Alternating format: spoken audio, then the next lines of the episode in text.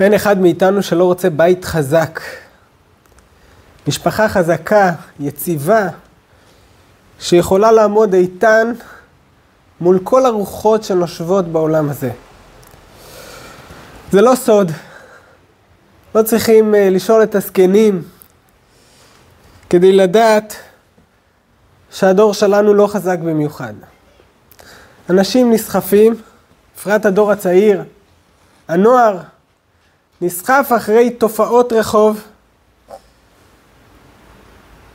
שעולות ויורדות מפעם לפעם ואין להם את החוזק ואת היציבות לעמוד מול העולם ולומר, אני כאן, יש לי עמדה, יש לי דרך. חבר אחד מזמין אותו לפה, חבר אחד מזמין אותו לשמה, והם נסחפים אחרי הזרם הגדול.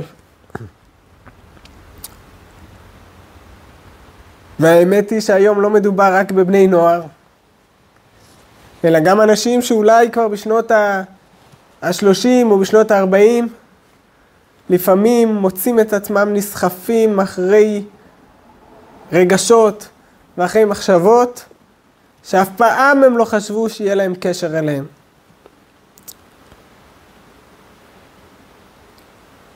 אנחנו יכולים לראות בדור שלנו משפחות שלמות שהתפרקו. אנשים גדולים, בעלי עמדה, בעלי דעה, מורי דרך, שנפלו, איבדו את הכיסא, איבדו את הכבוד, בגלל הסחף שנמצא סביבם. ובתוך כל הרעש הזה, אנחנו רוצים לייצר לעצמנו עוגן חזק של משפחה חזקה, שיודעת מה היא רוצה מעצמה, ומהי הדרך אשר בה תלך. והשאלה שאנחנו רוצים לדעת, איך אנחנו יכולים, האם יש איזה עצה ופתרון שאנחנו יכולים לייצר בתוך המשפחה שלנו, איזשהו חוזק נפשי יהודי פנימי שייתן לנו ולילדים שלנו את הכוח ואת האפשרות להיות חזקים בדרך שלהם. לדעת מי הם, מה הם ולקראת מה הם הולכים.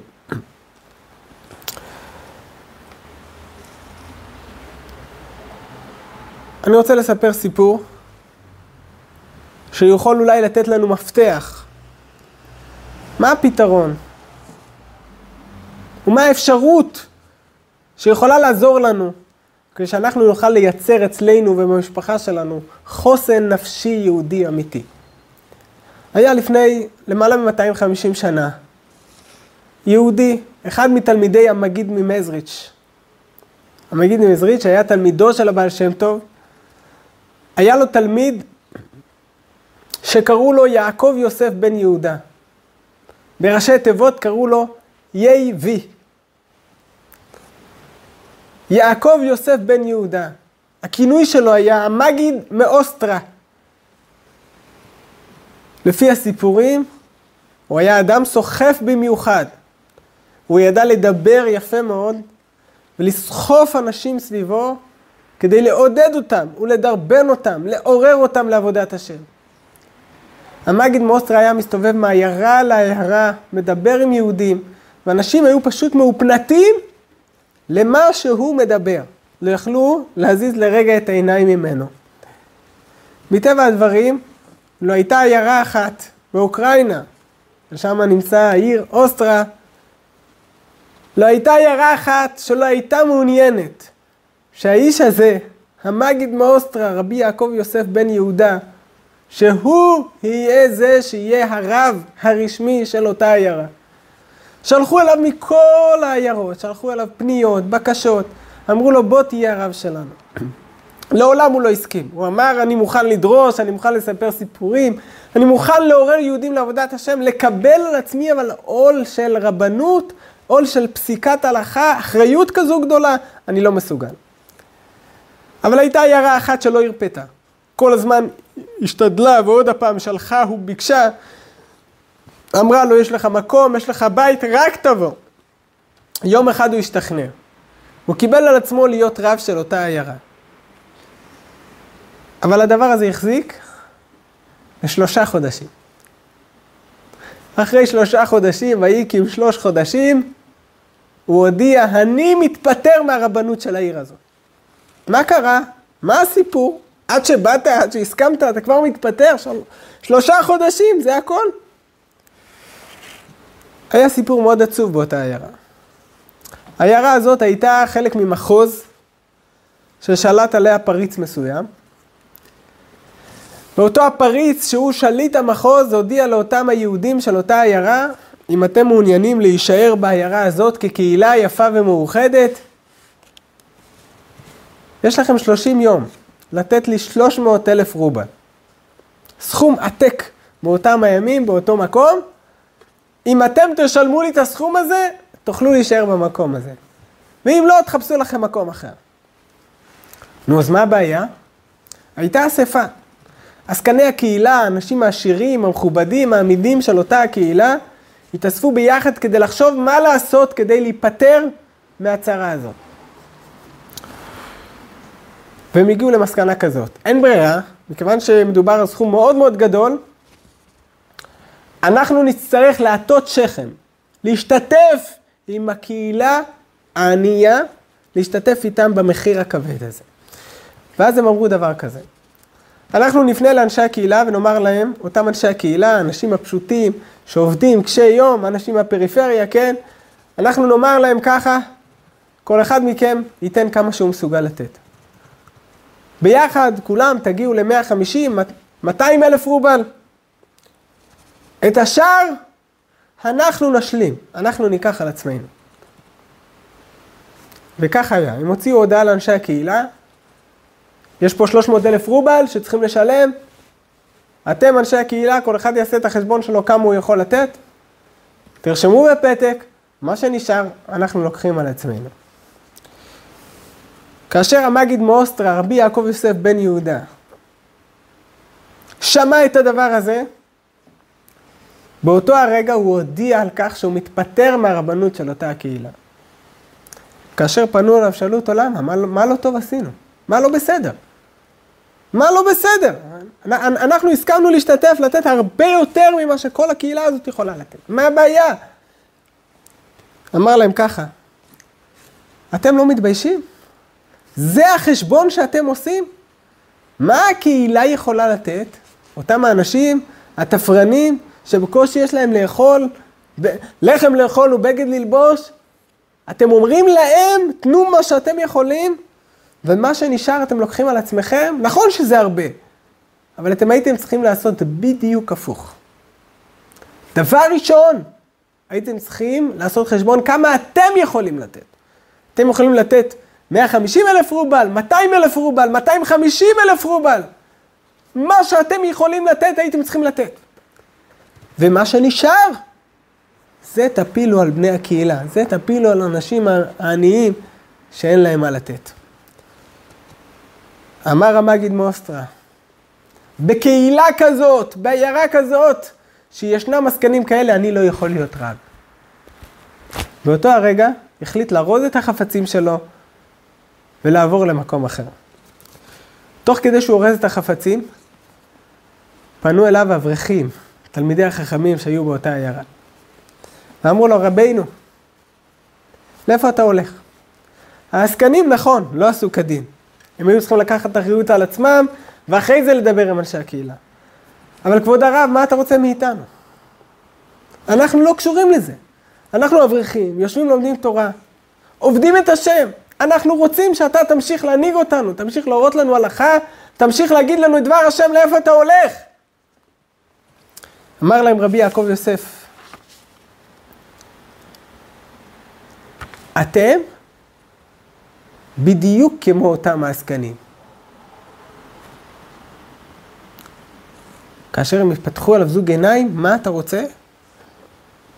אז הוא אומר להם, אתם צמים כל היום. כל היום, תעניות, סיגופים, זה מה שאתם עושים כל היום. הם התפלאו נורא, אז מה הקשר? מה, אז למה אנחנו כמו עסקנים? אמר להם ככה, מה עשו העסקנים? דבר ראשון אמרו לעניים, פנו לעניים, אמרו להם, מה אתם יכולים לתת? מה שנשאר, העשירים הם אלה שייתנו. אמר להם רבי יעקב יוסף, בגוף האדם יש איברים עשירים ואיברים עניים. האיברים העשירים זה המוח, עשירות גדולה יש במוח, יש חוכמה, יש שכל, תבונה. ובלב, הוא-אה, איזה עשירות גדולה יש בלב, מחסן של רגשות נפלאים וצבעוניים יש בלב. כאשר אתם עובדים את השם, אתם מטפלים דבר ראשון באיברים העניים. בקיבה, בידיים, ברגליים, מטענים, תעניות וסיגופים. ואחרי שאתם מטפלים בידיים, ברגליים, בקיבה, במעיים, שאתם מטפלים באיברים האלה, אתם אומרים, או, אולי יש קצת זמן, בואו נחשוב קצת גדלות השם. בואו נתבונן קצת על הקדוש ברוך הוא. בואו נדבר קצת על אהבת השם, יראת השם. בואו נתעסק באיברים העשירים במוח ובלב. השיטה שלכם עובדת בדיוק כמו אותם העסקנים של העיירה. דבר ראשון, אתם מתעסקים עם האיברים העניים, הקיבה, המעיים, הרגליים, הידיים, ואחרי זה שנשאר קצת זמן, נשאר איזה משהו, אתם אומרים, טוב, בוא עכשיו נחשוב על הקדוש ברוך הוא. בוא עכשיו קצת אהבת השם, יראת השם, גם לא יזיק. לאנשים כאלה, אני לא מעוניין להיות רב. ארז את החפצים שלו באותו היום, ועזב את אותה עיירה. הסיפור הזה אומר דרשני. אנחנו היום, כאשר אנחנו מסתכלים על עצמנו, על הקהילה שלנו, על המשפחה שלנו, שאל את עצמנו שאלה פשוטה. האם תלמידו של המגיד ממזריץ', רבי יעקב יוסף בן יהודה, בראשי תיבות רב יייבי, המגיד מאוסטרה, היה מוכן להיות הרב שלנו, כן או לא? פתאום נגלה שאולי אנחנו מתנהגים בדיוק אותו הדבר. אנחנו עסוקים הרבה במה אסור, במה מותר, מה כשר ומה טרף, מה טמא ומה טהור. וגם כאשר אנחנו מדברים עם הילדים שלנו. אל תעשה, כן תעשה. זה הדו-שיח שלנו עם הילדים שלנו, אם אנחנו רק נשים לב. תברך, אל תברך, ברכה לבטלה. מוקצה, כן מוקצה, שבת, לא להדליק את האור. אנחנו מתעסקים הרבה עם מה לעשות ולא לעשות. אבל האם פעם, פעם בשבוע או פעם בחודש, אנחנו מתפנים פשוט לדבר ולהסביר? פשוט להשקיע באיברים העשירים, במוח ובלב של הילדים שלנו? פשוט להשקיע שם. לדבר עם הילד ולשוחח איתו ולהסביר לו עד כמה השבת היא חשובה, עד כמה השבת היא קריטית. אם זה ילד קטן, לספר לו סיפורים, אם זה ילד קצת יותר גדול, להסביר לו ברמה קצת יותר גבוהה. אבל האם אנחנו פועלים באופן הזה? אומר רב יייבי לאותם אברכים, אתם בדיוק כמו אותם העשירים. אתם מתעסקים דבר ראשון עם האיברים העניים. אתם מתעסקים דבר ראשון עם הפרקטיקה. אני מסכים איתכם, הפרקטיקה, אותם האיברים העניים, יש להם שליחות ויש להם תפקיד. לרגליים יש שליחות לרוץ לדבר מצווה, ולידיים יש שליחות לעשות מצוות. להניח תפילין, לשמור שבת, בפשטות, עם הידיים והרגליים. אבל אל תזניחו את האיברים העשירים. כשאתה נמצא בבית שלך, אל תזניח את המוח והלב של הילדים שלך. תדבר עליהם, תסביר להם, תחבר אותם. האם את זה אנחנו עושים? האם רבי אייבי יכול להיות הרב שלנו? האם הוא יהיה מוכן לקבל על עצמו להיות הרב של הקהילה שלנו? והשבוע בפרשת השבוע, פרשת ויצא, יש לנו המחשה מדהימה עד כמה הדבר הזה חשוב.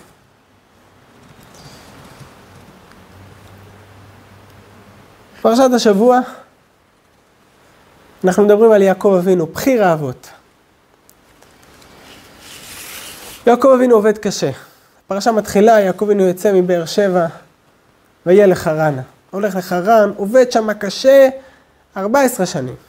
שבע שנים ראשונות הוא עובד בשביל רחל, שבע שנים אחרות עובד בשביל לאה, ובסופו של דבר הגיע הזמן לצאת. הגיע הזמן ללכת. הקדוש ברוך הוא מתגלה ליעקב אבינו, ואומר לו, מצווה אותו. ויאמר השם אל יעקב, שוב אל ארץ אבותיך ולמולדתך ואהיה עמך. אין ציווי יותר ברור מזה. זה לא מנהג, זה לא חומרה, זה לא הידור. הקדוש ברוך הוא בכבודו ובעצמו.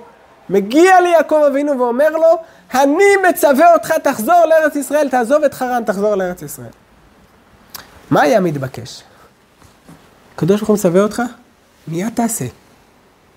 אין זמן לברבורים, אין זמן לדיבורים. תעשה מיד מה שנדרש ממך. תארוס את החפצים, תארוס את הילדים שלך, את המשפחה שלך.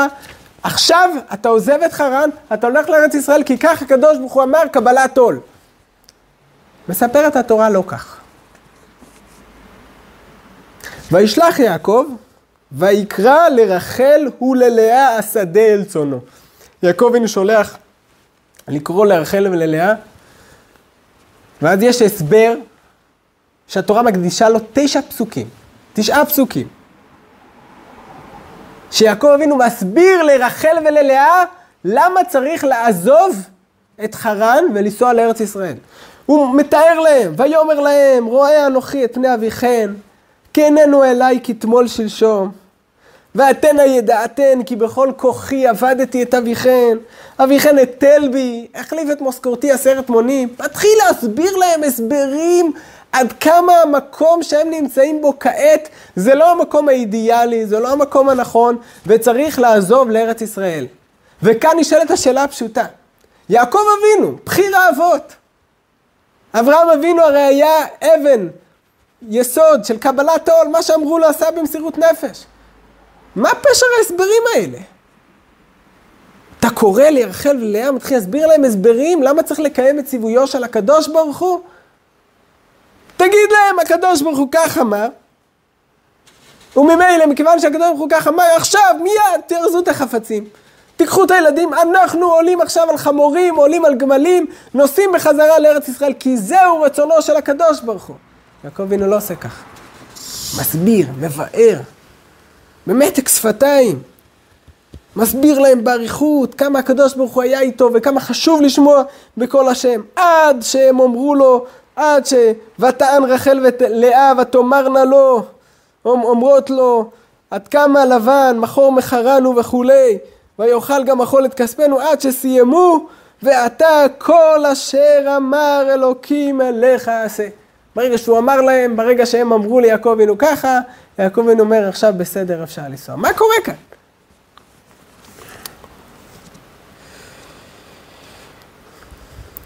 אמר הרבי דבר נפלא.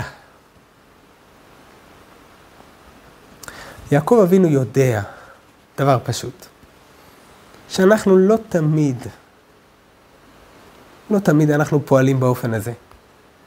יעקב אבינו יודע שכאשר הקדוש ברוך הוא מצווה יהודי לעשות מצווה, זה לא הכוונה שרק הידיים והרגליים שלו יעשו את המצווה, אלא הכוונה שהיהודי כמכלול יעשה את המצווה. המוח שלו, והלב שלו, והידיים שלו, והרגליים שלו. וכל המציאות של יהודי תקיים מצווה, כל עצמותיי תאמרנה השם מחמוך. אומר יעקב אבינו, מה אני ארוויח אם אני אגיע הבית ואני אגיד, רבותיי, פקודה, אורזים את החפצים, נוסעים לארץ ישראל. מה אני ארוויח? הידיים שלהם יהיו איתי, הרגליים שלהם יהיו איתי, אבל הם עצמם, המוח שלהם, עולם הרגשות שלהם, התחושות שלהם, האינטואיציה שלהם, לא יהיו איתי. הם יישארו בחרן. מה הרווחתי בזה? הקדוש ברוך הוא רוצה שכאשר אני מגיע לארץ ישראל, שאני אגיע שלם. כל כולי יגיע לארץ ישראל. אני וכל המשפחה שלי, עם המוח ועם הלב, כל המציאות של המשפ... שלי ושל משפחתי, יגיעו לארץ ישראל. אומר יעקב אבינו, אני רוצה לקיים את ציוויו של הקדוש ברוך הוא בשלמות. לא מספיק שאני אבוא ואגיד פקודה, עוברים לארץ ישראל. אני חייב לדבר, אני חייב להסביר. חייב להסביר. תשע פסוקים, תשעה פסוקים. התורה מעריכה, אתם יודעים מה זה תשעה פסוקים של תורה. כל פסוק זה מסכת שלמה. תשעה פסוקים יעקב אבינו מעריך להסביר ולבאר עד כמה חשוב ועד כמה זה טוב, לא רק בעולם הרוחני, בעולם הזה כפשוטו, לקיים את ציוויו של הקדוש ברוך הוא ולנסוע, ולנסוע לארץ ישראל, לנסוע לארץ הקודש. וזה המסר שאומר לנו יעקב אבינו בפרשת, בפרשת השבוע. יש היום לצערנו אנשים הולכים לשיעור תורה. שיעור תורה, הרב מדבר שצריכים לשמור כשרות, וצריכים ללכת בצניעות, וצריכים לשמור טהרת המשפחה. והוא מסביר, הרב מסביר יפה, עד כמה זה טוב, עד כמה זה חשוב. ולפעמים האדם הזה שיוצא מהשיעור מגיע הבית, ומה הוא לקח מכל השיעור? עצבים. עצבים. הביתה, הוא צריך, צריך, צריך, צריך, וצריך, וצריך, וצריך, וצריך, יש לו רשימה שלמה. הוא כתב לעצמו כל השיעור. איזה רשימה הרב אמר שצריך לעשות בבית. הוא בא הביתה עם כל הרשימה, אומר, עכשיו צריך לקיים כל הרשימה, מה שהרב אמר. אבל שנייה אחת, היה פה הסבר כל כך מתוק, למה לא תדבר עם אשתך? למה לא תדבר עם הילדים שלך? תסביר להם כמה זה חשוב. תסביר להם כמה זה מתוק. תספר להם את הסיפורים שהרב סיפר בשיעור. למה יצאת רק עם הלחץ? יעקב אבינו קיבל את ההוראה הזאת ישירות מהקדוש ברוך הוא. כשהוא הגיע הבית, הוא ידע לתת ההסברים. הוא ידע לחבר את המשפחה שלו. הוא ידע לחבר את הילדים שלו עם הציווי של הקדוש ברוך הוא לחזור, לחזור לארץ ישראל. היה יהודי בירושלים, קראו לו הרב משה אהרון שטרן. בנו היום, שסיפר את הסיפור, הוא רבה של שכונת עזרת תורה בירושלים, שכונה חשובה בירושלים, קוראים לו הרב יחיאל מיכל שטרן. הוא סיפר את הסיפור על אבא שלו. הוא אמר שאבא שלו היה לו נוהל בכל שבת, ליל שבת, אחרי קבלת שבת, תפילת ערבית, הוא היה הולך עם אבא שלו ביחד, הם היו כמה אחים, היו הולכים עם אבא ביחד אחרי תפילת שבת, ליל שבת, היו הולכים ביחד עם הרב שלמה זלמן אוירבך. הולכים ביחד. הם היו ילדים, ואבא שלו, הרב משה אהרון שטרן, היה הולך ביחד עם הרב שלמה זלמן אוירבך ביחד. מה עושים שתי יהודים ביחד? שתי יהודים צדיקים, יהודים תלמידי חכמים, מדברים דברי תורה. הם דיברו ביחד דברי תורה. כשהגיעו לצומת מסוימת, אז הרב שלמה זלמן אוירבך היה צריך לצד אחד, הוא צריך לצד שני. אבל הם באמצע לדבר, אז עוצרים כמה זמן, הם מתווכחים, יש להם ויכוח בגמרא, בהלכה מדברים. הילדים באותו זמן היו משועממים. אבא מדבר, משוחח, בלהט, מתווכח. מה עושים הילדים? הם לא מבינים מה מדברים, משחקים. הם שיחקו בחול, באבנים שהיו סביבם, שיחקו באבנים.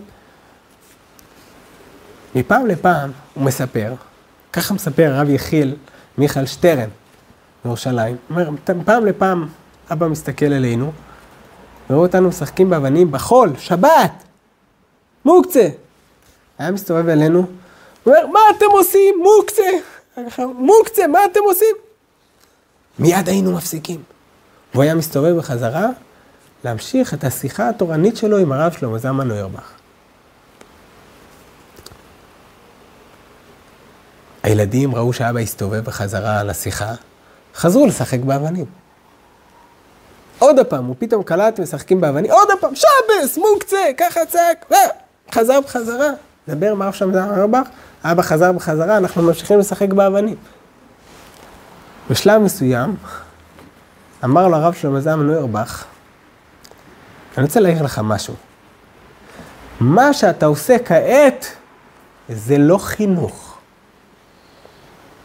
אתה סך הכל מחנך אותם, שכשאבא לא רואה, אפשר לעשות מה שרוצים. זה החינוך שאתה מחנך את הילדים שלך.